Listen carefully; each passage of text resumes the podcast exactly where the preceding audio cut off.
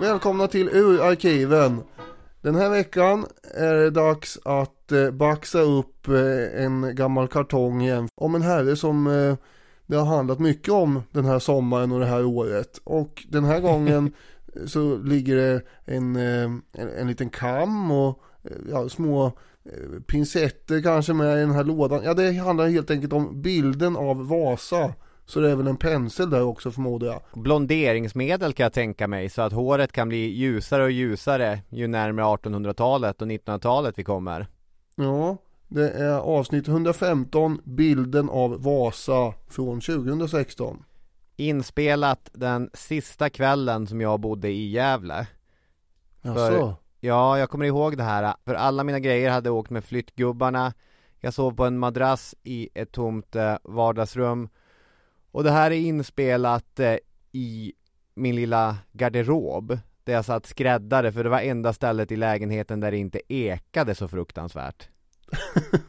det här är ju väldigt kul info att få i bakgrunden så att säga. Jag misstänker att det nämns i avsnittet också. Om, om, jag höll masken annars så gjorde jag då, det var väldigt stoiskt i så fall. Fint då att du avslutade din Gävlevistelse med att sova på en madrass i vardagsrummet medan jag inledde min Gävlevistelse med att sova på några stolsitsar i en tom lägenhet när jag flyttade dit. Ja, verkligen. Det är cirklar som sluts hela tiden, om och om igen. Det är ju magiskt och den här cirkeln handlar om Gustav Vasas parsfrisyr. Exakt. Idag kommer Historiepodden, podden som klappar sig själv på ryggen för att vi alltid går på djupet. Att förhålla sig så ytligt som det bara går till sitt ämne. Vi kommer nämligen uppehålla oss kring utseende. Vi kommer ställa Sara Leander i Historiska hatten, eh, revy och filmstjärnan vars ansikte var känt hos såväl varje svensk som varje tysk i mitten på förra seklet. Själv skulle jag ha mycket svårt att ta ut henne ur en vittneskonfrontation idag. Men någon vars utseende dröjt sig kvar genom århundraden, det är allas vår Gustav Vasa. Men blir man så ikonisk, då kommer ens utseende börja förändras när historien tickar på. Märkligt kan tyckas. Ja, vi kommer återvända till det där inne i podden. Gott så, nu kör vi.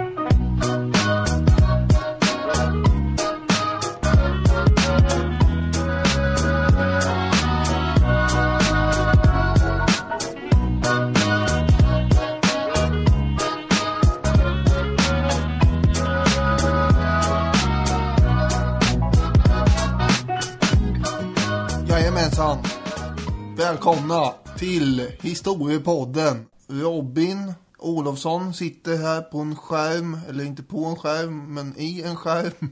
Eller jag vet inte vad du sitter på, någon kartong kanske.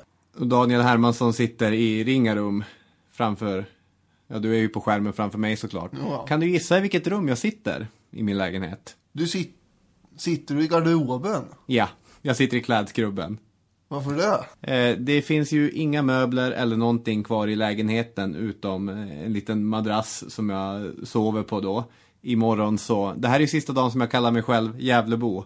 Ja. Och den här klädskrubben är den enda som är liten nog att man kunde sätta upp madrassen så, så att den ska fånga lite ljudvågor och det kommer inte eka så fruktansvärt. Är det lite hårt ljud så beror det på att allting jag äger är inte här. Det händer grejer under den här poddens livstid, kan man säga. Det gör det. Är vi färdiga med Gävle nu? Helt och hållet allihop? Det ver- verkar inte bättre. Nej, jag och du är väl det i alla fall. Det är vi som utgör den här podden va? Ja, och lyssnarna. Och där har vi såklart säkert någon Gävlebo kvar i alla fall. Det hoppas vi ju absolut. Innan vi kommer in på ämnet och så, det är några grejer att eh, gå igenom. Dels då får vi göra en avbön, eller jag får göra en avbön gällande förra avsnittet. Och det är att jag tog ära och heder av min släkting som menade att det finns motorer som går på likström och växelström. Det visar sig att det finns ju sådana motorer. Där blev du skapligt eh, nedsablad. Allströmsmotorer. Dock inte om mig. Och det beror ju på att jag inte riktigt kan det här heller. Så jag satt ju som vanligt som det brukar vara när du och jag har diskussioner. Och du låter så otroligt påläst och kunnig. Och då vill inte jag verka dum. Så då sitter man där och bara håller med. Ja, ja just det. Det är viktigt. Eh. Ja. ja, men det är väl, eh, det finns ju ingenting eh, att säga annat än att jag, jag ångrar såklart att jag gick på så hårt. Och att vi inte tog en liten paus för att googla.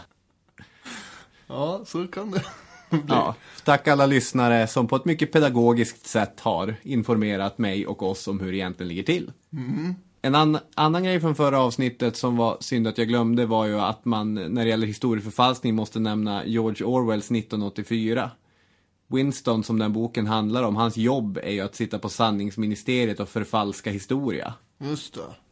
Det är ju hela premissen där, att de här tre supermakterna som är i ständigt krig mot varandra, varje gång som en allians förändras, så är det han och hans medarbetare som ska ändra alla dokument som någonsin har funnits för att visa att så här har det alltid varit. Och det är ju inte helt greppat ur luften, eftersom så har ju verkligheten fungerat också emellanåt. Ja, verkligen. Jag tänker att, på Sovjet, inte minst. Ja, totalitära stater överhuvudtaget, men Sovjetunionen är väl det bästa exemplet. Sen har det ju hänt grejer som vi spelade in senast också. Ja. Två stycken gubbar som är ständigt närvarande i våra samtal har plockat ja. ner skylten. Ja, det hade, hade jag inte med eh, i mina anteckningar att ta upp här, men just det, de har ju lämnat in. Vad tomt det känns. Torbjörn Fälldin och C.H. Hermansson har lämnat oss. Det känns oss. jättetomt ju. Man har alltid vetat att eh, Tobbe har suttit där uppe och tittat på backhoppning i, i Rambodal eller Ramdal. Ramstad. Men nu gör han inte det längre. Nej. Ja, men det, det, var ju väldigt härligt när de började göra krönikor om Torbjörn Fälldin och de pratade om honom. För det kändes ju som de pratade om, om en person från en annan dimension.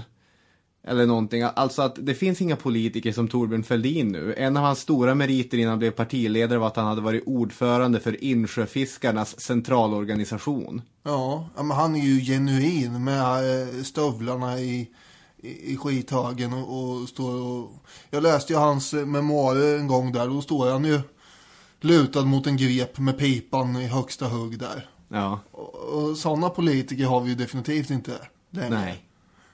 Och C.O. Hermansson var ju, med tanke på var han kommer ifrån för bakgrund så var han eh, väldigt eh, folklig och förankrad och sympatisk människa måste man ju säga.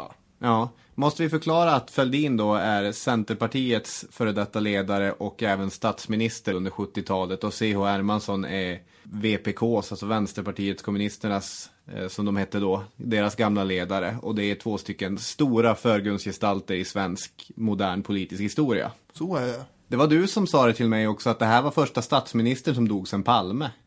Ja, och då kan man ju tycka att det bara skulle kablas ut en massa dokumentärer hela tiden. Här att någon hade förberett det. Men nej, det har vi inte sett några.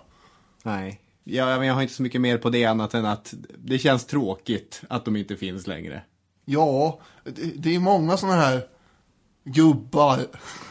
Jan Öyvind Svan, Ove Ramel och ja, eh, ja nu, vad ska man dra till med, Lasse Brandeby. Det är mycket sådana här gubbar som har tagit ner skylten, känns det som, som, eh, som i och för sig är väldigt gamla, så det är inte, inte helt orimligt.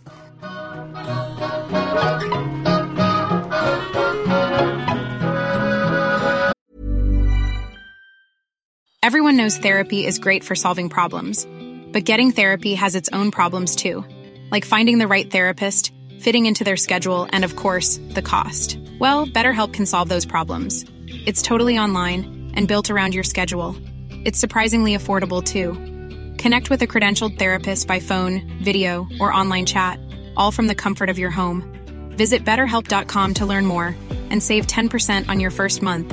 That's BetterHelp H E L P. This Mother's Day, celebrate the extraordinary women in your life with a heartfelt gift from Blue Nile. Whether it's for your mom, a mother figure, or yourself as a mom, find that perfect piece to express your love and appreciation. Explore Blue Nile's exquisite pearls and mesmerizing gemstones that she's sure to love. Enjoy fast shipping options like guaranteed free shipping and returns. Make this Mother's Day unforgettable with a piece from Blue Nile. Right now, get up to 50% off at BlueNile.com. That's BlueNile.com. I'm Sandra, and I'm just the professional your small business was looking for. But you didn't hire me because you didn't use LinkedIn jobs. LinkedIn has professionals you can't find anywhere else, including those who aren't actively looking for a new job but might be open to the perfect role, like me. In a given month, over 70% of LinkedIn users don't visit other leading job sites. So if you're not looking on LinkedIn, you'll miss out on great candidates like Sandra. Start hiring professionals like a professional. Post your free job on linkedin.com/people slash people today. Ja, jag vet inte om jag var helt tydlig i inledningen, men vi kommer uppehålla oss lite grann kring hur Gustav Vasa har avbildats under olika århundraden. Alltså hur, man, hur olika konstnärer och historiker, främst konstnärer, har tänkt sig att Gustav Vasa har sett ut. Det här är ju ett eh, tämligen smalt område. Tycker du? Men, eh, ja men det, det är väl ändå. Ja, jo då. Men du har haft mycket med ditt eh, flytteri där och eh, dessutom så måste vi få vara lite smala ibland. Eh, I våra ämnesval. Ja, Och det här är ga- ganska intressant. Det är dessutom en av dina käpphästar, eller man ska säga, känns det som. ja, du poängterade det när jag sa det. För egentligen hade vi ett annat ämne på G före. Och det kommer komma någon gång i framtiden. Men när jag skrotade det och sa Riv allt! Bränn upp dina anteckningar! Nu blir det bilden av Gustav Vasa. Då poängterade du att det här är en av mina käpphästar. Och så är det väl. Framförallt är det ett eh, moment som jag har jobbat med flera gånger i min kurs i kulturhistoria. Så att om det är någon av mina gamla estetelever som lyssnar så har vi ju tillsammans tröskat igenom det här med blandad framgång. Det är intressant det här med historiska aktörer, framförallt de som lever före fotografiet revolutionerar hur vi tänker och upplever världen. Hur viktig är egentligen de här bildliga framställningarna av stora historiska aktörer och vår upplevelse av dem? Blir du påverkad av hur olika aktörer, ledare ser ut på de här tavlorna? Det enda vi har av dem. Napoleon, Karl XII, drottning Kristina och så vidare. Ja, alltså jag gillar ju tavlor och eh, ja. pampighet. Kanske, ja men det här barockgrejen, det är ju fina grejer där. Sen eh, så får man ju ta det för vad det är.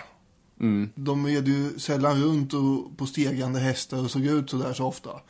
Nej, och barocken har ju också en, en bortre gräns för när det bara blir löjligt. Det finns eh, någon barocktavla av, vad kan det vara, nå, någon tysk furste eller någonting där tre fjärdedelar av hela tavlan är hatten. Den här vackra, eh, fjäderbeklädda, pampiga huvudbonaden som den här tyska fursten har på sig.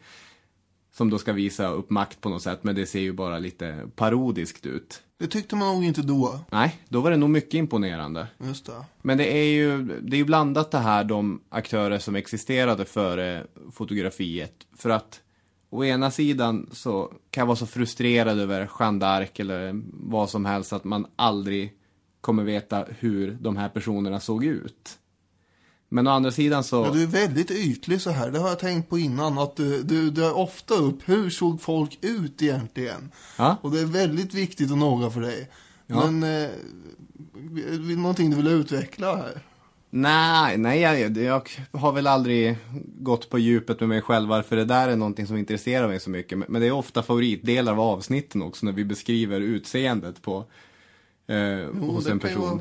Festligt visserligen. Ja, och, men det är nog kanske lite grann det jag gillar också. För egentligen så tycker jag mer om att upprätthålla mig vid de här eh, som har försvunnit in i historiens dunkel. Alltså när man har rörlig film på, ja men säg Hitler eller Mussolini eller Gustav V eller varför de, de tre poppade upp i huvudet.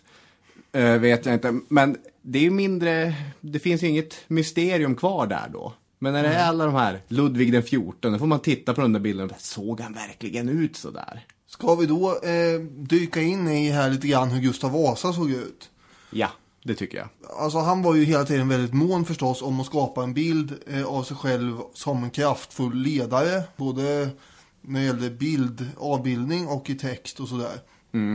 Och han hade sin eh, egen eh, historieskrivare Peder Svart och så. Det, ha- han bygger upp ett system som går ut på ett, en propagandamaskin helt enkelt. Ja, synnerligen effektiv propagandamaskin. Man kan ju nästan dra en eh, tidig parallell här till eh, någon form av ja, personkult, är ju hårt att, att, att säga. Men, men det blir ju det, utvecklas ju till det vart efter när sägnerna får eget liv och folk börjar prata ute i bygderna om att var han inte här ändå och försökte gömma sig. Jo, det var han ju. Han var ju i den här stugan. Så här, ja, och åkte han inte åt det hållet. Och sen så utvecklas ju det här mer och mer. Och då blir det ju någon form, fast då är han redan död i och för sig. Men hans egen apparat och kansli har ju satt igång det här med de här mytbildningarna närmast. Ja, och han gjorde själv ingenting för att motverka det här, snarare tvärtom. 1542, då har kungen varit kung i 19 år ungefär. Och eh, då har vi ju den första målningen som är bevarad. Och eh, den är gjord av en dansk konstnär som heter Jakob Bink. Ja. Eh, ibland benämns han som dansk, ibland benämns han som tysk. Men det beror väl lite grann på att vad som är danskt och vad som är tyskt under Det är inte så 1500-talet. noga. Nej, och det är inte alldeles självklart heller. Jakob Bink tillhör ju den typen av konstnär som studsade omkring mellan europeiska hov. Och jag tror till och med det var så att Gustav Vasa bytte till sig honom i något fredsfördrag. Eller något avtal med danskarna. Och han var inte länge i Sverige heller. Han var ett eller två år i Sverige innan han studsade vidare. Slutligen kommer han hamna hos Albrecht av Preussen. Som inte minst var högmästare över tyska orden. Inte minst. inte minst. Men den här märkliga korsriddar eh, som vi har pratat om tidigare i historiepodden.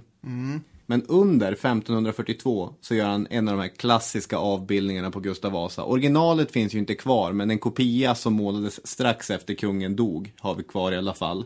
Hur ser den ut? Där sitter han och jäser. ja, Eh. verkligen. i en guldstickad dräkt. Han Mm. eh, har en handske på sig. Jag sitter och tittar på bilden nu nämligen. Mm. Eh, och så håller han eh, lite förstött i den andra handsken. Rödblont hår och skägg. En ganska markerad lugg. Den här gamla heliga eh, klassiska Gustav Vasa-frisyren. Eh, och den vet ju de flesta hur den ser ut. Ja, han har stor barett på sig också. Den här eh, basken som har en stor tofs och som... Det ser ut som en överjäst basker också. Ja. Och den, det är en av hans karaktäristiska attiraljer kan man säga. Eller attribut kanske heter det. Han har ju också en stor kroppshydda här. Ja. Eh, och eh, man ser att han, han har en fäst blick i fjärran. En mäktig potentat är det här minsann. De flesta tidiga målningarna eh, av honom är ju när han är en äldre man med en ganska stor buk, hög panna och sådär. Ja. Det här är en man som har vunnit makten, eh, som har förvaltat makten och, och som utstrålar den här lugna typen av, av makt. Han ser ju mer ut som en, vad ska man säga, en person som sitter och roddar vid kontrollerna med stor erfarenhet än en mäktig erövrare eller någonting. Utan det här är ju en, en statsman som vi ser framför oss. Och det är också ganska typiskt eh, den här renässansdräkten och det är det är ju en tydlig renässansmålning på många sätt det här. Per Brahe, eh, som var samtida, har ju beskrivit eh, honom i text då och skrivit att han hade gult hår, eh, vackert, stort skägg och en liten rak näsa. Ja, Och då har vi ju en lirare på 1900-talet som heter Sixten Strömbom. Som har eh, bland annat då samlat ihop alla porträtt, eller han har gjort en index, ind- indexering av alla porträtt av Vasa bland annat. Ja Sixten Strömberg var konsthistoriker och han skapade ett arkiv för olika porträtt. Eh, Strömbom hette han väl? Ja, Strömbom menar jag. Han, det ligger under Nationalmuseum nu för tiden, det där arkivet. Vi kanske kommer återvända till det vad det lider. Och enligt Strömbom så eh, matchar ju Brahes beskrivning av eh, Vasa de här porträtten. Det ger ju en bild av, alltså han är han är vaken den här killen. Nästan misstänksam i blicken också. Det ger ett sken av klokhet och handlingskraft. Och då menar Strömbom att det här är viktigt eftersom det här har ju Brahe skrivit och så här ser man på tidiga målningar. Allting som inte är så här, eh, det är inte porträttlikt. Nej, precis. Det är lite otydligt eh, varför det är just den här Per Brahes textbeskrivning som, som ska vara mest trovärdig. Men i och för sig, Per Brahe var ju han var ju bekant med kungen och, och är ju samtida med honom så att ur någon sorts närhetsperspektiv så är det ju inte alls en, en dum källa.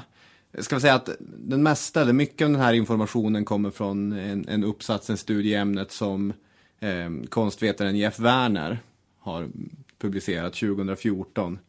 Eh, kom den. En sak som jag älskar med Per Brahes beskrivning av Gustav Vasa också är att man märker hur tydligt han är präglad av humoralpatologin. Den här rådande medicinska vetenskapen som gällde. För han beskriver också att han var en kolerisk sangvinisk herre. Och det betyder ju då att eh, det är gott om blod i honom. Kolerisk är ju hetlevrad och sangvinisk är ju eldig eller levnadsglad. Att det här ska man då ha, ha sett på, på Gustav Vasa med rödblommiga kinder och så. Motsatsen är ju att vara flegmatiker, att vara lite trött och passiv och, och så vidare. Som jag har varit den senaste veckan. Ja, beror det på att du inte är vid dina sunda vätskor? Ja, Är det för mycket gul galla? Nu låter det väldigt äckligt. Det tror jag inte. Jag är fullt frisk och sådär. Bara att man kan ju slänga in lite klimatologilära här också. Det gillar de ju på 1700-talet. Ja. Eh, och eh, det har varit otroligt hett här. Så eh, jag behöver nog lite mer annat klimat för att vara vid god vigör. ja, Man blir ju förbannat trött av den här värmen. det blir man. Ehm, Jag tror ändå det kan finnas någon, någonting med de här kroppsvätskorna. Jag skulle rekommendera kanske en åderlåtning. Det tycker jag. Ja, det tycker jag. Titta på det här sen. En annan typ av bilder som finns från Gustav Vasas egen samtid är ju mynten. Och många av dem är ju också Jakob Bink som ligger bakom. Och om det här porträttet som du beskrev, det kanske var avsett för utländska hov. Att det talar maktens språk, att man ska kunna ge bort det till gåvor när man är och hälsar på någonstans nere i Centraleuropa. Titta vilken stilig en konung vi har ändå. Det, det här är inte dumt, det, det kommer ni tycka mycket om. Men när det ska ut pengar till, till borgerskap och kanske till eh, andra medborgare, då måste man ju tala lite tydligare språk. Så att på de mynten så har ju oftast Gustav Vasa en krona och ett svärd och så har han riksäpplet. Det är ju det här eh, maktens språk som nästan är nedärvt från de romerska mynten och eh, sen förvaltat av eh, kristna kyrkan för att hamna i Sverige på 1500-talet. Nu var det inte så mycket just kronor och svärd i Rom, mer lagerkransar och segergudinnor och liknande. Men det, det är symboler som verkligen, det här ska den största idioten av oss alla kunna fatta. Den här målningen som jag beskrev, den har ju folk senare då, alltså i modern tid här nu, eh, beskrivit som att eh, någon som heter Märit Lindgren 1996 konstaterar att eh, det är omöjligt att beskriva Gustav Vasa som något annat än landsfadern utifrån den här målningen. Sen har vi någon som kan det här verkligen utan och innan och det är ju konsthistorikern, professorn Peter Gillgren. Han eh, har ju jämfört eh, alltså utseendet på Vasa här. Han är inte olik en Per Albin Hansson eller en Gunnar Sträng. Det är en familjefader av folkhemsk prägel. Ja, det är intressant. Det ska ge sådana vibbar och associationer här. Ja. Då är det väl mer troligt då att folkhemmets maktspråk är influerat av Gustav Vasas maktspråk än tvärtom. Jo, det torde ju vara enligt all kronologisk logik. Ja. Ja, verkligen. Ska vi dyka in på 1600-talet och framåt här och se vad Ja, som det, det ska vi göra. Det jag bara tänkte säga är att de gemensamma dragen för de äldsta avbildningarna, att Vasa är ett, en liten tjockis och två, en mogen man som utstrålar pondus. Ja, och glöm inte nu skägget och Mm. barettan. Mot 1600-talet.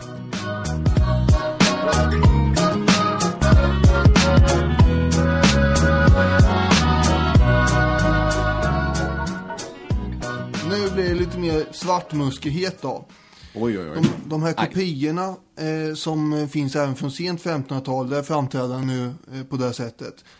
Och eh, Strömbom, mycket uppgivet, han är i början på 1900-talet. beskriver en målning från 1580-talet där han säger att ögonen saknar den intagande glimten. Under den hängande mustaschen verkar munnen insjunken och tunn. De små händerna, fingrar förstött på handskar och skärp.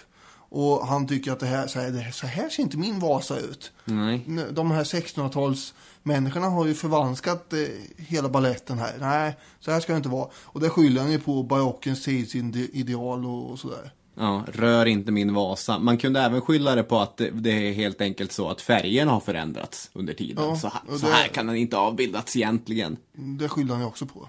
Ja, precis. Men många av dragen finns ju bevarade i 1600-talets bild av Gustav Vasa. Han är alltjämt skäggig och han är oftast, eller han är alltjämt ganska tjock. Han har en rätt bister uppsyn. Det är ändå allvar det handlar om det här, inget trams. Men i ansiktet så har han börjat bli lite smalare och som du sa, kungen har blivit lite mörkare. Och det kändaste porträttet då kommer från Cornelius Arendts. Det. En holländare som bland annat har gjort kända porträtt av Gustav II Adolf. Och han valde också att ge sin tolkning av Vasasläktens tjockaste katt. Katten... Eh, katten Gustav. Nej. det, Vad det, håller var, du på med? det var ingen Jag försöker göra något med att han var en, en fat cat och hette Gustav Vasa. Nej, det funkar sådär. Men det här porträttet är superkänt. Ni kanske skulle känna igen det därför att det är därifrån som tusenlappen kommer. Eller för all del, den som har läst La- Lars-Olof Larssons bok om Gustav Vasa, landsfader eller tyrann. Det porträttet är omslaget där också. Har du haft en tusenlapp någon gång? Det har jag kanske någon gång, men jag kommer inte ihåg när just nu. Nej. De är inte ute i cirkulation så mycket och de kanske har slutat gälla, jag vet, jag vet inte riktigt. Ja, det har de ju. Det är ju, är inte, Det är... nu på tusingen, är det Hammarskjöld? Nej. Jo, det är det. Ja. Men det, mm, när jag var kanske 11 så sparade jag ihop till en filmkamera. Och det gjorde jag i ett års tid. Då gick jag och växlade in alla mina pengar och så fick jag en tusing. Och jag har sällan känt mig så rik som när jag hade den tusingen i min hand. Det är enda gången jag haft en tusing. Och då var det Gustav Vasa minsann på den. Det, det, Jajamän. jag tycker det är lite synd att man eh, från Riksbankens håll envisas med att rensa bort varenda kung. Alla ska bort. Det ska bara vara massa författare nu. Det ska ju ge en form av trovärdighet till, eh, till valutan också. Vad är det för fel på att ha kvar någon stackars liten kung i något hörn? Ja. Eller? Ja, säger du bara. Äh, äh, men jag vet inte, var det Ola Söderholm som sa det att, att det märks att, att Sverige är inget vuxet land för, för i vuxna länder har man, har man kungar på sina pengar. Mycket bra sagt av, mycket bra sagt av Ola Söderholm. Det är, inte säkert, att- det är inte säkert att det var han heller, så att det där nu, nu, efter den bränna jag gick på förra avsnittet så ska jag inte uttala mig säkert om saker jag skjuter från höften. Springa runt och tassa på tå överallt här. Ja. Nej, men eh, det är i alla fall min enkla åsikt att eh, man skulle kunna ha kvar någon i alla fall. Jag tror nämligen inte att de kommer återkomma heller, de här eh, stackars monarkerna. Nej, jag tycker mest det är kul att Ingmar Bergman är på sedlar nu, därför jag tänker att han skulle hata det så mycket själv. Ja, just det. Det skulle han förmodligen. Jag tycker i alla fall att det är en fin gest att man har tagit bort Karl XI från 500-lappen. Det var väl ändå det bästa med alltihop. Och att man satte dit eh, en skåning istället. Ja, nu hamnar vi på otroligt många stickspår här, men det var ju, vill tacka den lyssnaren som för, kan det vara i en eller två månader sedan, fotade av Aftonbladet. Det var, eh, då var det Herman Lindqvist som recenserade olika svenska kungar. Just det. Och då utsåg han ju Karl XI till sin bästa kung, fem av fem, och så var motiveringen den enda svenska kung helt utan skandaler. Jag vet några som beg to differ om man säger så. Ja, Och vad vi pratar om nu är ju då att Karl XI brände ner eh, halva norra Skåne på sin tid. Och det har ju fått alldeles för lite skit av. Det här, det här har vi pratat om innan i avsnitt 6. Så vi kanske inte behöver tröska igenom det igen. Nej. Men jag håller ju inte med eh, Herman Lindqvist om att han eh, är helt skandalfri i den här nej just det. Karl. Så bränner man ner halva Skåne kanske man tappar ett plus. Fyra av fem. Nästan vi gå inga skandaler. vidare med, med Vasa och den här målningen då?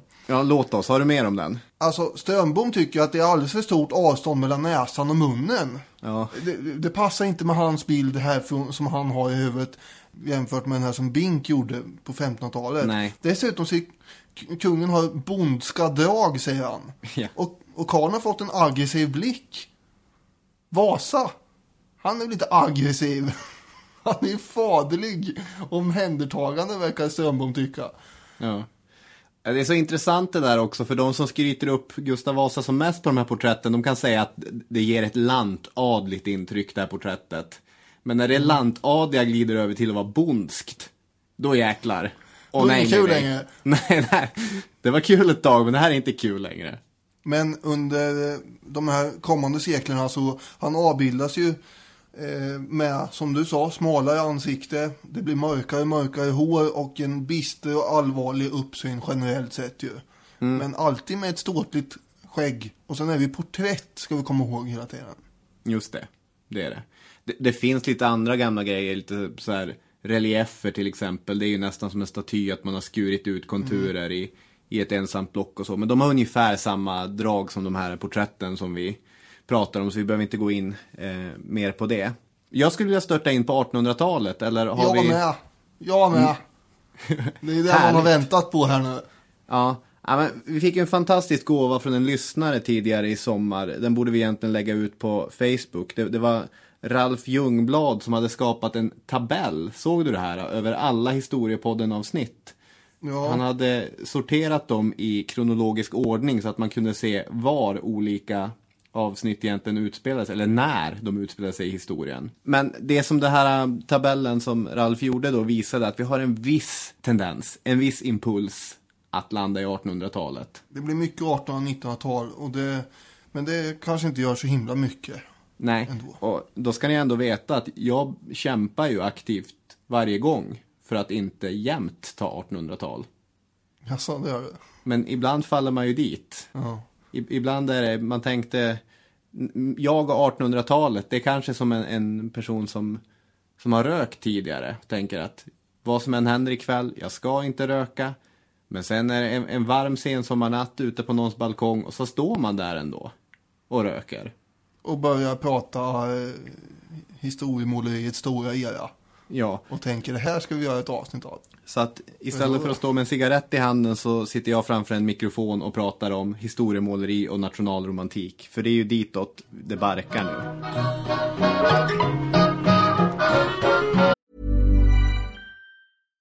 One size fits all seemed like a good idea for clothes Nice dress. Uh, it's a it's a t-shirt. until you tried it on. Same goes for your healthcare. That's why United Healthcare offers a variety of flexible, budget friendly coverage for medical, vision, dental, and more. So, whether you're between jobs, coming off a parent's plan, or even missed open enrollment, you can find the plan that fits you best. Find out more about United Healthcare coverage at uh1.com. That's uh1.com. Everyone knows therapy is great for solving problems, but getting therapy has its own problems too, like finding the right therapist, fitting into their schedule, and of course, the cost. Well, BetterHelp can solve those problems. It's totally online and built around your schedule. It's surprisingly affordable too. Connect with a credentialed therapist by phone, video, or online chat, all from the comfort of your home. Visit betterhelp.com to learn more and save 10% on your first month. That's BetterHelp H E L P. Hiring for your small business? If you're not looking for professionals on LinkedIn, you're looking in the wrong place. That's like looking for your car keys in a fish tank. LinkedIn helps you hire professionals you can't find anywhere else, even those who aren't actively searching for a new job but might be open to the perfect role. In a given month, over 70% of LinkedIn users don't even visit other leading job sites. So start looking in the right place. With LinkedIn, you can hire professionals like a professional. Post your free job on linkedin.com/people slash people today.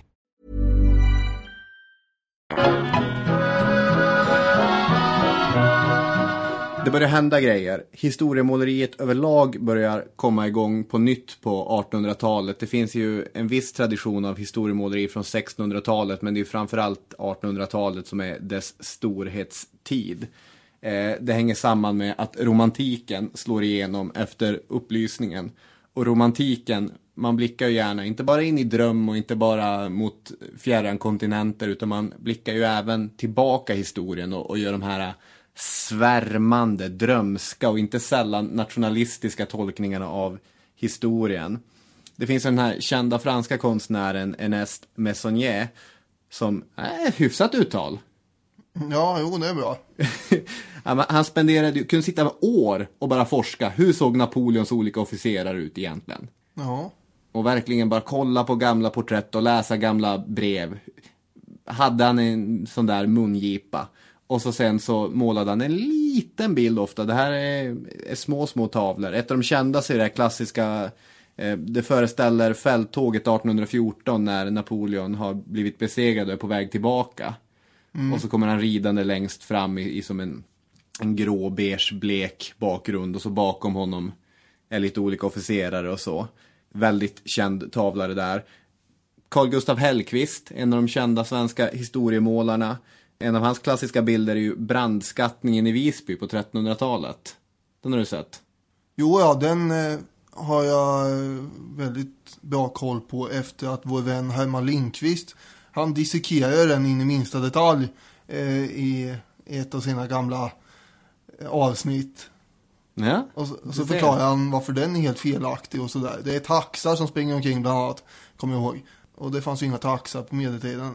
Nej, den lever väl mest kvar som ett exempel. Ja, om inte i Herman Lindqvist dokumentärer så i olika läroböcker historia. Ni måste vara källkritiska. Det fanns inte taxar på 1300-talet och det är någon jude avbildad och, och, de äldsta stöden för att det ska ha funnits judar i Sverige är från 1500-talet.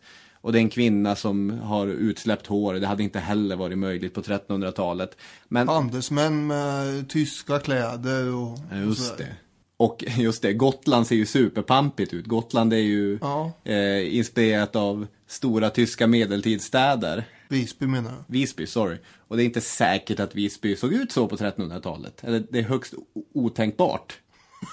inte säkert. Gick till högst otänkbart. Ja, han har överdrivit det. Men själva grejen med historiemåleri är ju inte nödvändigtvis Nej. att det ska vara precis eh, perfekt historia. Utan man överbelastar tavlor med detaljer. Det är otroligt, eh, på ett sätt realistiskt, alltså det ser porträttlikt ut. Men, men det är fullt med grejer, fullt med människor och så ska det skapa identifikation, att du ska sugas in och känna som att där är ju jag. Blicken börjar vandra. Ja, eller att man, det här är ju före tvns era då. Mm, eh, det stämmer. och eh, då är ju tanken att man ska dras in i det och det ska vara dramatiskt och man får en berättelse uppspelad framför sig och sådär. Mm. Och det tycker jag att det håller fortfarande i många fall. Ja, det var inte så konstigt att Gustav Vasa skulle bli ett kärt motiv för historiemålarna. Alltså redan på 1600-talet så hade det blivit populärt att besöka platser som han var förknippade med. Och på 1700-talet så blir Örnäsloftet i Dalarna museum. Eh, mm. Det var ju där han ska ha gömt sig för danskarna då. Dessutom så den svenska historikern Anders Fryxell, hans berättelser ur svenska historien till ungdomens tjänst, utmärkt titel på på de samlade verken blir otroligt lästa och otroligt spridda och det här intresset för, för svensk historia och framförallt för kungarna och framförallt för Gustav Vasa blir ju verkligen, det är en jättestor grej. Men det här med historiemåleri, det är ju ändå lite trist och tråkigt att bara ha en skäggig gubbe som sitter stilla och tittar in i, eller bort kanske oftast, i fjärran. Ungefär som man gör på ett skolfoto. Det liksom skapar inte den här dramatiken riktigt om man säger så. Och därför Nej, så blev ju uppdraget ofta att man skulle placera de här historiska gestalterna i olika situationer som representerar deras liv och så, eller händelser. Mm. Och det var ju det man skulle göra nu med Eh, Gustav Vasa och allt som han hade varit med om. Ja, för du som är bevandrad i svensk historia, är det så att 1542, då Jakob Bink gjorde sitt porträtt, är det den mest spännande året i Gustav Vasas liv? Ja, det är ganska spännande väl. Eh, Dackefejden eh, håller väl på. Ja, okej. Okay. Ja, okej. Okay. Du tänkte att det skulle vara jättetråkigt, eller? Nej, men jag, jag tänkte att eh, 1523 när han rider in i Stockholm och och alla de där grejerna. Att man vill ju veta hur gick det till när det var svenska frihetskriget? Då satt han inte med blicken rakt fram som en pösmunk. Nej, precis. Men man hade lite bekymmer med saker och ting ändå eftersom hur såg han ut egentligen när han var ung? Ja. Vi har ju Johan Gustav Sandberg som har gjort alla de här eh, otroliga målningarna som är i Uppsala domkyrka nu. Som invigdes, eh, bil, alltså målningarna invigdes ju 1838. Och det är ju eh, väldigt eh, avgörande och eh, häftiga scener ur Vasas liv helt enkelt. Men en del av dem kommer ju ha inträffat i unga år, det vill säga före de målningar man har sen innan. Alltså, Just det. i- Man kan alltså inte luta sig tillbaka på de gamla porträtten för att få någon sorts bild över hur det här såg ut. Utan det här är ju eh, när han talar till dalkararna. Det är när han åker till Lübeck för att prata med, med Hansan. Det är när han rider in i Stockholm 1523. Det är första översättningen av Gustav Vasas bibel. Slaget vid Brännkyrka. Just det, den, den har vi där också. Frågan är om kungen var tjock även som ung. Ja, det är Och hur var det med hårfärgen egentligen? Och frisyren, hade han pottfrisyr egentligen? Ja. Hade han skägg ens? Man visste ju ingenting. Nej. Så Sandberg fick ju sätta sig ner och fantisera här. Ja. Och det eh, gjorde han ju. I Sandbergs eh, version och värld så blev Gustav Vasa ganska smärt herre. Ja. En eh, atletisk nästan kanske. Skulle man säga. Eh, Cendré-färgat hår. Skägglös. Och om vi då tar till exempel en för en här och pratar lite om. Mm. Låt oss. Gustav Vasa talar till dalkarlarna i Mora. Jag har ju varit så pedagogisk för mig själv att jag har målningarna framför mig här nu. Då står han ju där på kyrkbacken i Mora och eh, pekar majestätiskt redan här, även fast han inte är kung än. Nej, men. Eh, däråt händer det dåliga saker. Det är efter eh, blodbadet i Stockholm när han försöker få dem att, att vara med på tåget och göra revolt mot Kristian II. Eh, och så ligger ju snön utbredd där och det är ju en poäng i, i målningen att, eh, att det är snö här. Och att de står där med sina vita jackor, vilket jag har en känsla av att de inte hade så här elegant som det är på målningen. Men de ska, det ska framgå att de är härdade de här dalkarlarna. De kan utan problem hantera bitande kyla som präglar hela deras liv egentligen. Eh, åtminstone under vinterhalvåret. Och även Vasa det ser ju ut som att han hanterar den där kylan ganska bra. Så det är sådana saker man vill förmedla med de här målningarna. Yes. Och sen har vi nästa, eh, inmarschen i Stockholm. Också Johan Gustav Sandberg vi pratar om. Ja, den här är ju härlig. Det här är det, det var ju till exempel den svenska flaggan där. Med, med det gula korset mot den blåa bakgrunden. Just det. Vilket jag inte alls tror fanns på 1500-talet. Alltså det är ju på 1500-talet som den eh, kommer, svenska flaggan. Det blir ju som en, eh, vad ska man säga, en, eh, ett svar på Dannebrogen.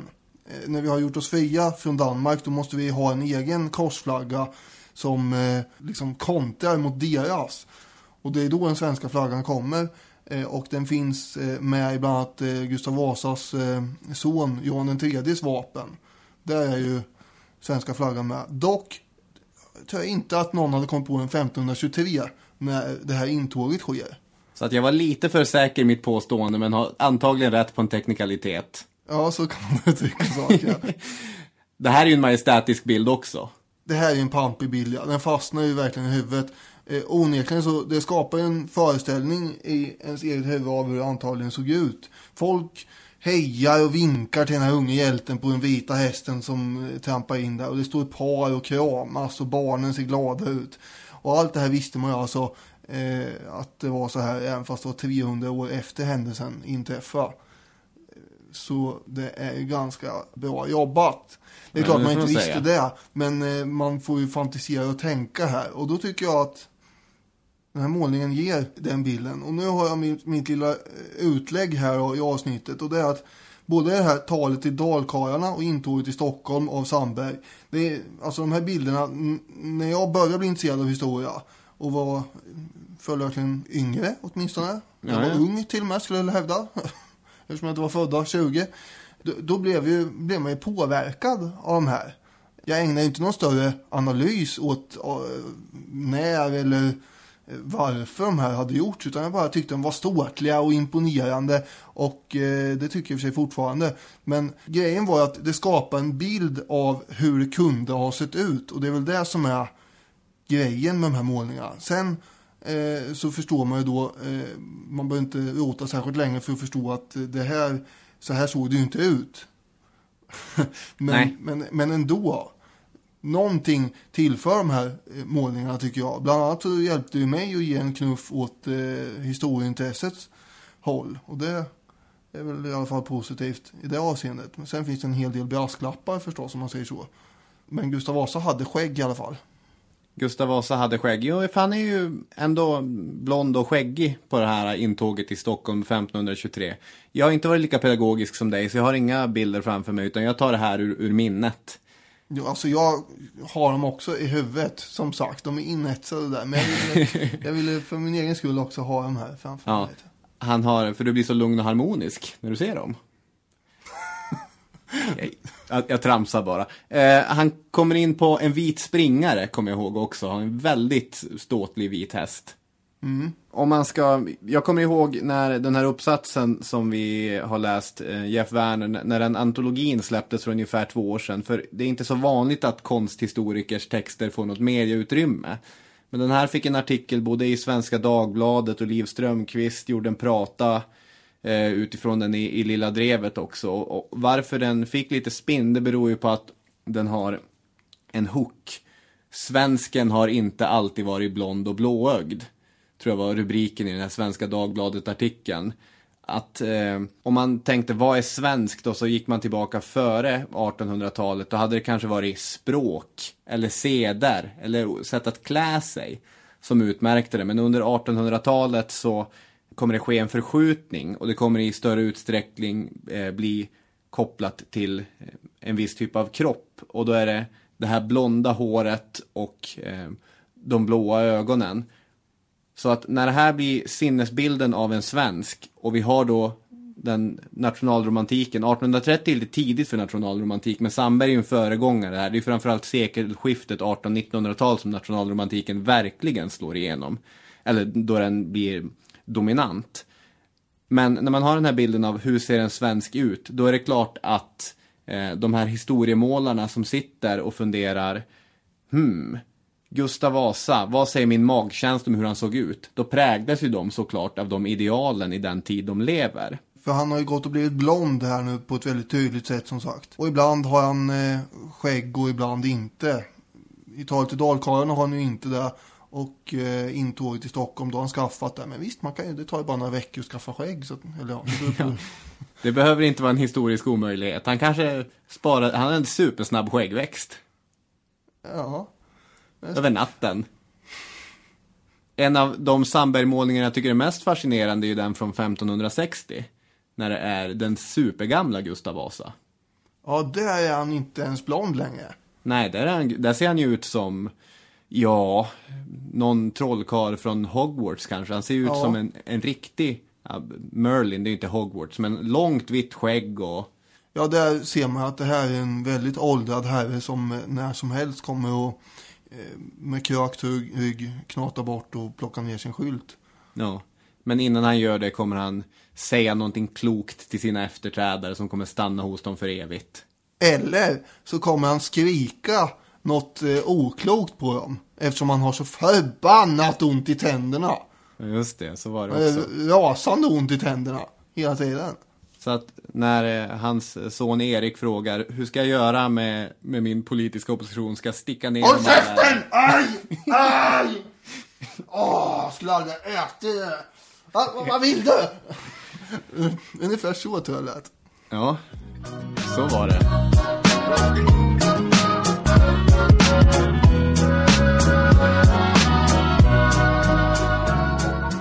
Vad skulle, vad skulle du säga? Nej, Jag var på väg till Carl Larsson, men har vi mer på Sandberg?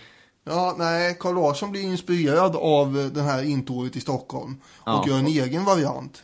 Just det, och de är ju alla inspirerade av Anders Fryxell och hans beskrivning av det här intåget i Stockholm. Så man ska komma ihåg att eh, den finns där till att börja med. Fryxell återgivning går så här för övrigt, jag har ju citatet framför så ska jag läsa det. Det skedde midsommarafton 1523.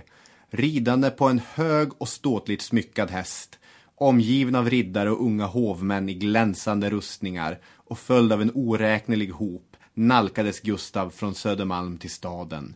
Vid porten mötte honom de äldsta och förnämsta av borgerskapet och lämnade honom stadens nycklar. Glada strömmade de så länge instängda och förtrycka borgarna mot friheten, sina befriare och sina kommande landsmän till mötes. Det är fint. Ja, och eh, Larssons version är ju den som hänger i entrén till Nationalmuseet. I entréhallen där, en jättetavla. Och 7 här gånger är ju... 14 meter. Ja, okej. Här är han ju barhuvad. Här har han inte den här barettan på huvudet. Just det.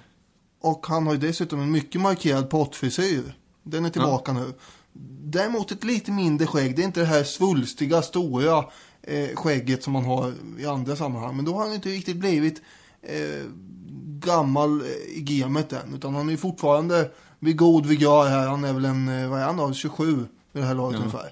just då det. passar det sig kanske inte med, ja, inte vet jag. Men han, Larsson tyckte väl att det, det räcker med ett lagom skägg här. Ja. 1908 står den här äh, bilden klar.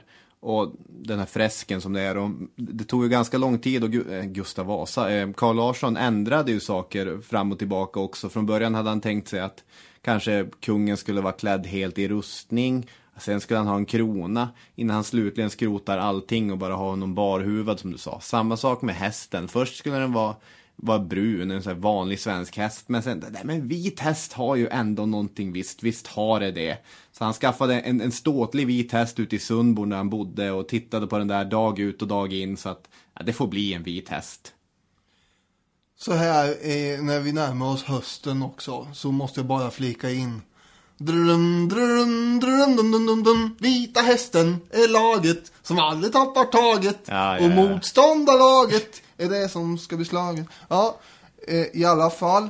Han hade ju en rustning ändå även om han inte hade en hjälm på huvudet. En blåskimrande rustning har han ju.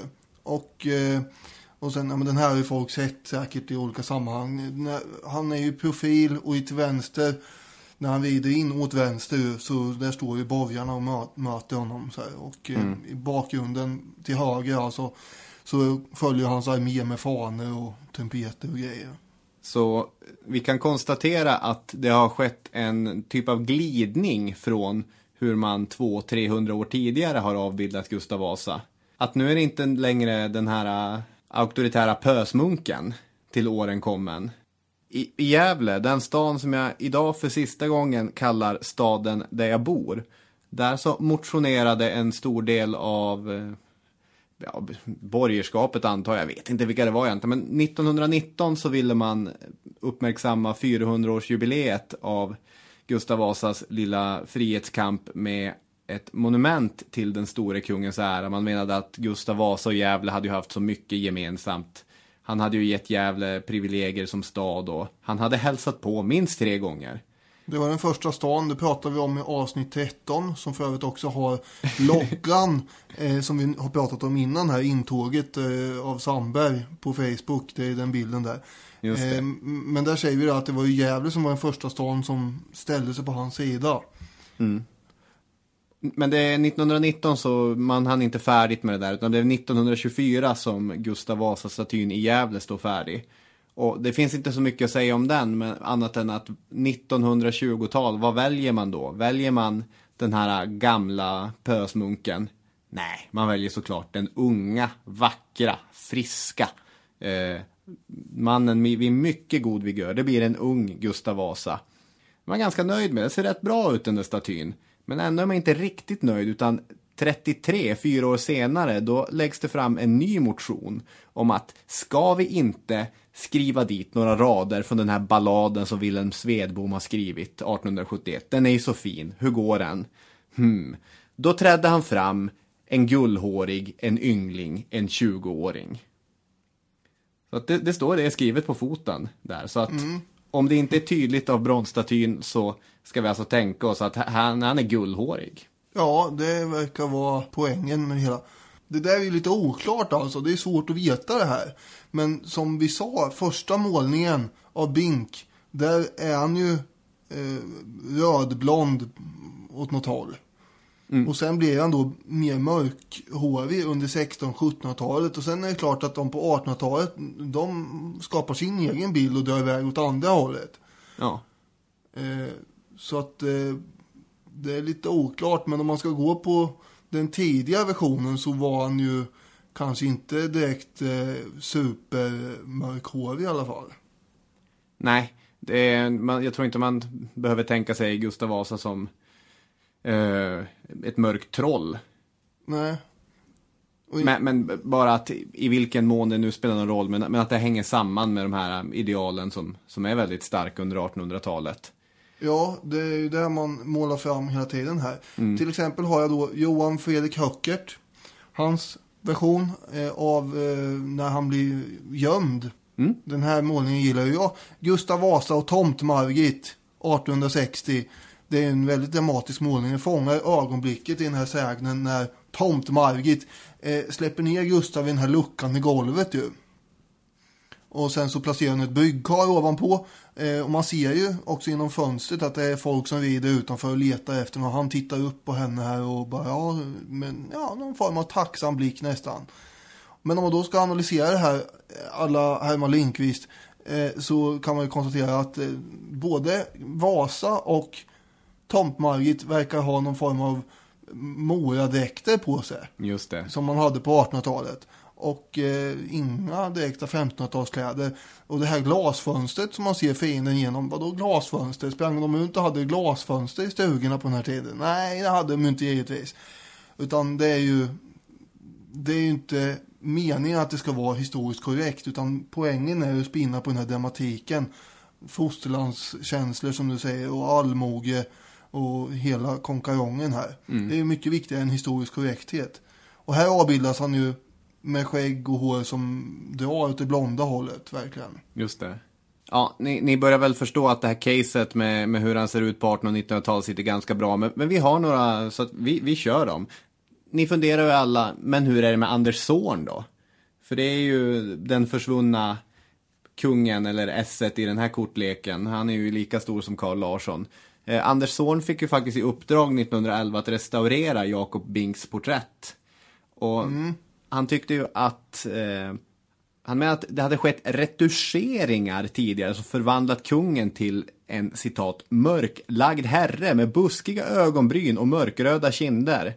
Och så la han till att den ljuse svensken, Erik den fjortondes fader, var ej mer. Så att son hade ju verkligen en sån bild att, att den här mörklagda Gustav Vasa, det var någonting som hade lagts fram med tiden. Och han gjorde också en mycket blondare, mjäkigare restaurering av det här. Men han fick faktiskt kritik eh, från konstvärlden. Till exempel anklagades han för att vara Dala-patriot och att han drev bara sin egen agenda med att försöka hitta på en egen Gustav Vasa. Eh, Son hade ju några år tidigare skapat den här mycket berömda Vasa-statyn. 1903 stod den färdig, den är väl i Mora. Det är inte otroligt att statyn i Gävle inspirerades av den här och högst troligt också andra Vasa-statyer från tidigt 1900-tal. Så att många är inne och avbildar Gustav Vasa.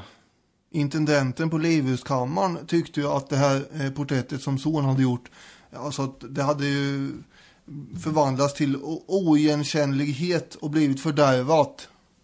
Den stackars Vasa. Ja, det är ord och inga visor. Och skämtpressen drev ju med det här också väldigt mycket. Att eh, han hade ställt till ett så här, son. Ja. Man kan ju i all korthet också eh, nämna Ernst Josefssons målning från 1875 när Gustav Vasa anklagar biskop Sunnanväder.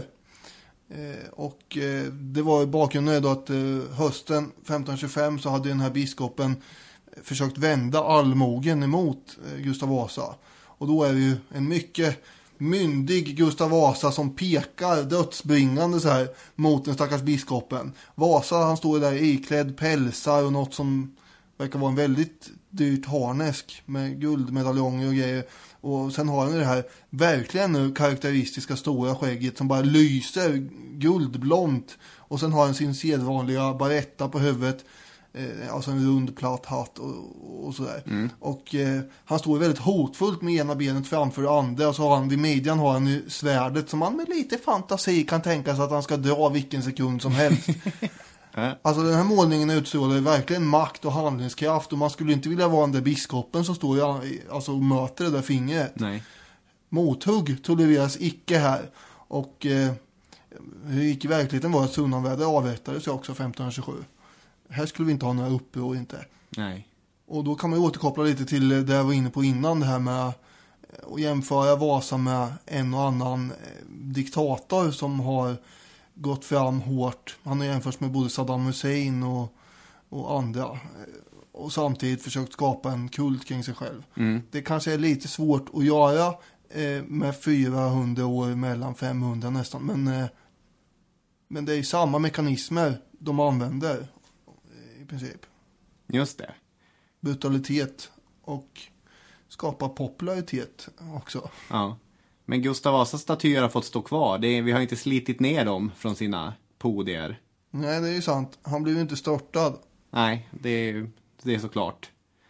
Istället så var det hans släkt som ärvde makten under flera hundra år. Dessutom får man väl säga att även om eh, hans utseende har förändrats lite grann fram och tillbaka så finns det ju vissa, eh, som jag var inne på, attribut eh, som är väldigt återkommande. Och man känner ju igen den här kungen med det här stora skägget och den här barettan, den platta hatten. Alla förstår ju att det här är Gustav Vasa när han används i reklamfilmer och när han sitter på tusenlappen och han är på knäckebröd och allt möjligt. Ja. Det är ju en ikon ändå. Även om man har förändrats så finns det vissa saker som gör att det plingar till i huvudet hos alla. Att bara, Jaha, det här är Gustav Vasa. Och den här pottfrisyren inte minst. Ja, sannoliken. Jag kommer att tänka på den här Nisse Hults äventyr. Historiska snedsteg. Ja. Johan Rheborg spelar Gustav Vasa där. Väldigt roligt. Ja. Egentligen. Stilfullt. Tack. Jag förlåter dig För vadå? för att du avslöjar mitt gömställe! Gustav Eriksson, Nisse Hult? jag hade kunnat ta han själv men jag ser lite dåligt på sidorna. Håret hänger för här. Ja, men det kan jag hjälpa dig med. Är du säker på att du kan det här? Ja då, jag klipper runt kanten här bara, förstår du. Gustav Vasa är väl den mest ikoniska svensken genom historien. Jag satt och funderade om det finns någon som lika många, alltså någon svensk historisk aktör som lika många tar igen. Jag tänkte Linné, jag tänkte drottning Kristina, jag tänkte, jag bollade upp olika ansikten framför mig, Astrid Lindgren.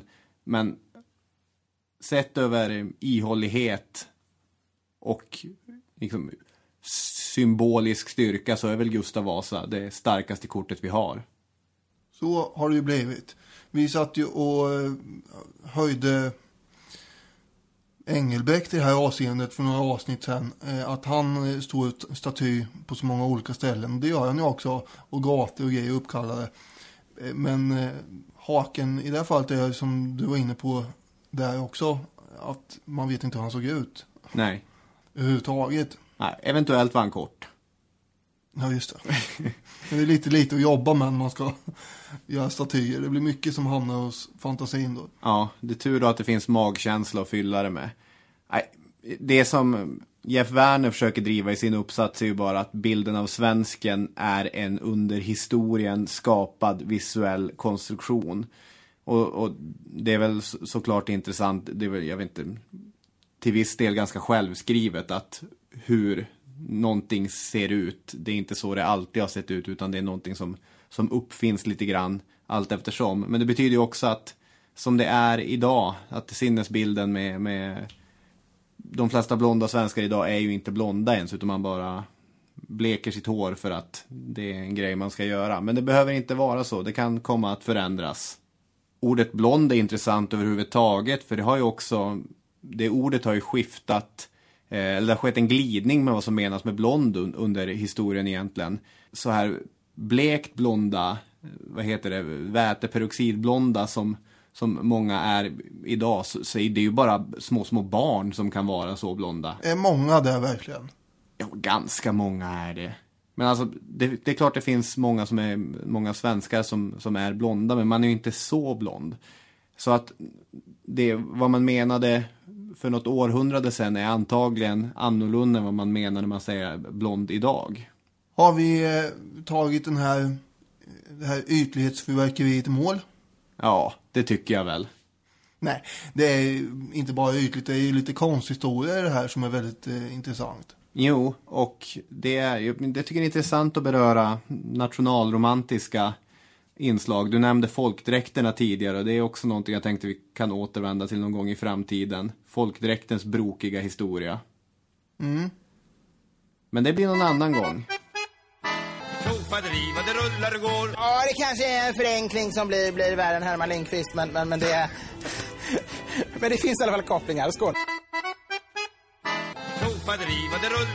Jajamän, då är domstolen samlad. Domaren sitter med klubban i näven. Vi vet inte riktigt vem som är domaren, men vi har pratat om det här ju. Skulle vi inte låta er vara domare? Så att eh, lyssnare, ni får ta och eh, ja, var ska man Gå in på? Facebook-sidan och, och kommentera vem ni tycker vann Historiska hatten. Just det.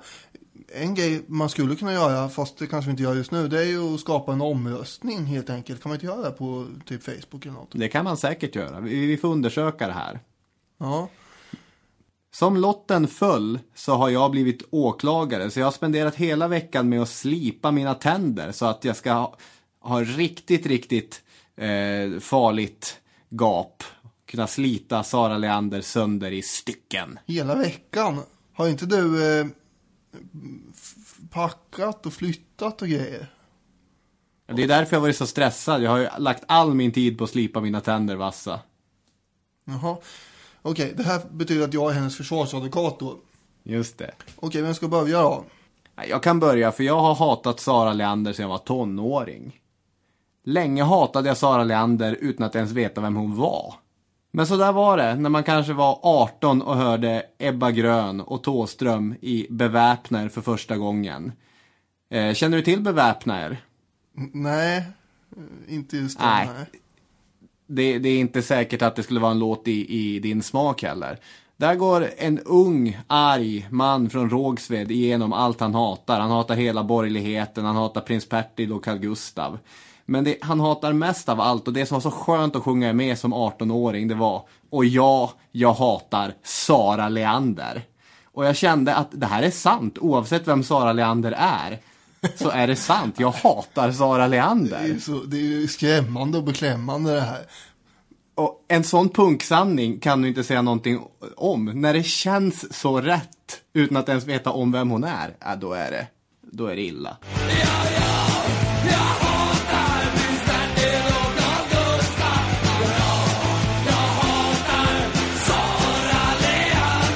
Så Leander hade ju en enorm utstrålning och en imponerande röst, en mörk röst som väldigt få kunde mäta sig med. Alltså om man säger så här, tänk så mycket glädje och beundran som hon bara har spridit sig omkring sig. Det, folk, vanliga människor, de går till jobbet, sliter och släpar och, och, och kämpar. Och sen när det blir kväll och kanske helg, då, då kommer de att få sätta sig i eh, en salong på Folkets hus kanske eh, och se de här revyerna och njuta av Sara Leanders sång som det bara slog gnister om.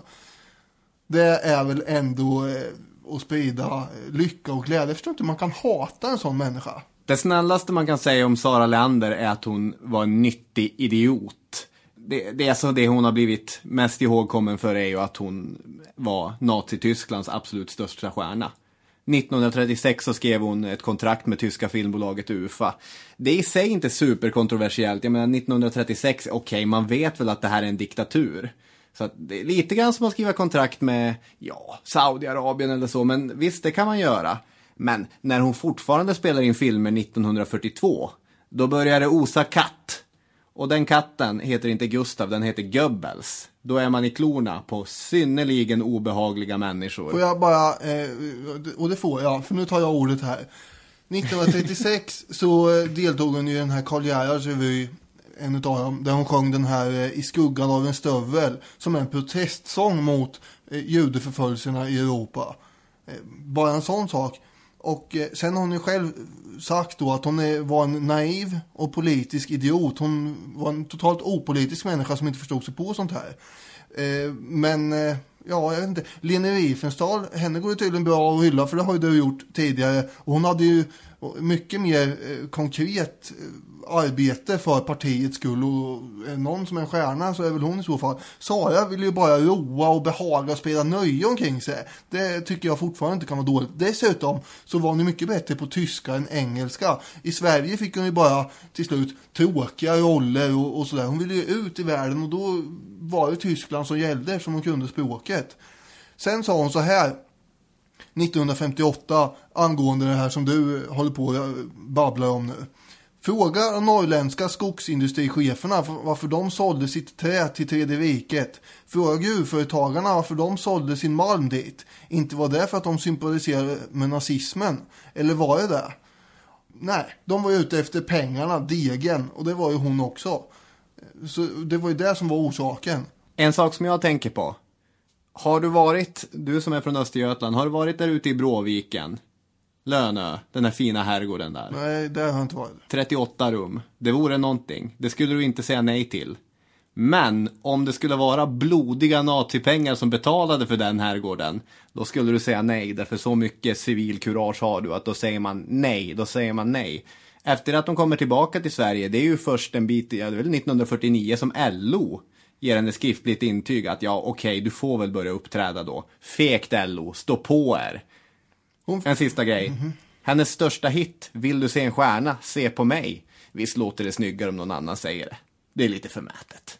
Nu är det ju så här då, att det var ju inte sig själv hon menade. Utan det var ju en roll hon spelar givetvis. Hon spelar ju Greta Garbo. Och Greta Garbo är väl den största stjärnan vi har. Så du kan inte mena att hon, att hon syftade på sig själv. Hon är ju en skådespelande sångerska här. Låter inte det här fantastiskt?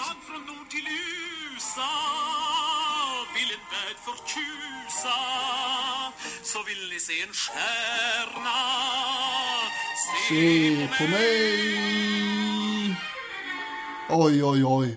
Man blir ju alldeles eh, mör i benen här. Det är ju fantastiskt. Och dessutom, eh, alltså, de, hon fick ju hela tiden, hela sitt liv fick hon leva med de här ganska, eller skulle jag säga väldigt ogrundade ryktena med de här nazibeskyllningarna. Det enda hon gjorde var ju att sjunga lite där nere. Och sen inkasserade hon på det visserligen. Eh, Ingvar Kamprad, han kan man tydligen förlåta. Men Sara ska ju vara korsfäst i all evighet. Eh, eller som den här eh, Gunnar Unger skrev i Svenska Dagbladet.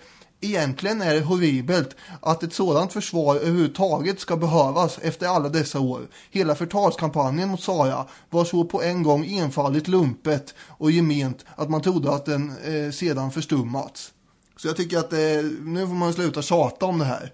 Eh, ja, hon var där nere och det kanske inte var eh, särskilt eh, bra, men hon fattade inte bättre helt enkelt. Dessutom så har det kommit fram uppgifter 1999 att hon, eh, eller antydningar om att hon var sovjetisk spion och hjälpte ryssarna med uppgifter i kriget mot eh, Tyskland.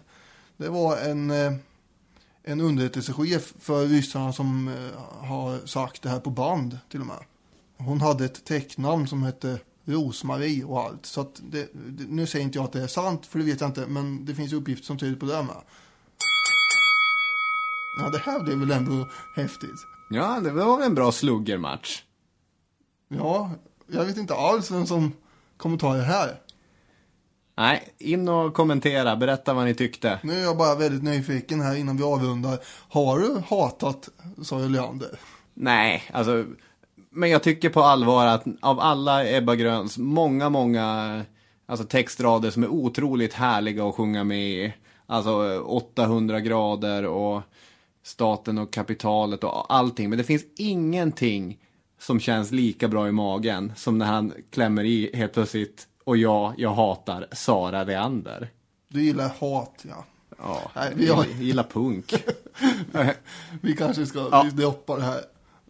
Det, detta om detta, det blev väl ett litet härligt avsnitt vi skarvade ihop så här i min klädkammare. Ja, du sitter ju där i alla fall. Ja, jag har suttit skräddare på ett betonggolv i en lite dryg timme nu så att jag har ingen känsel från midjan och neråt.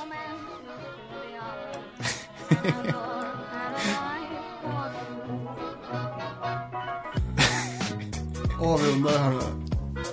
Ja, nu avrundar vi det här. Tack så mycket för att ni har lyssnat. Hej då med er. Ha en bra vecka. Hej, hej.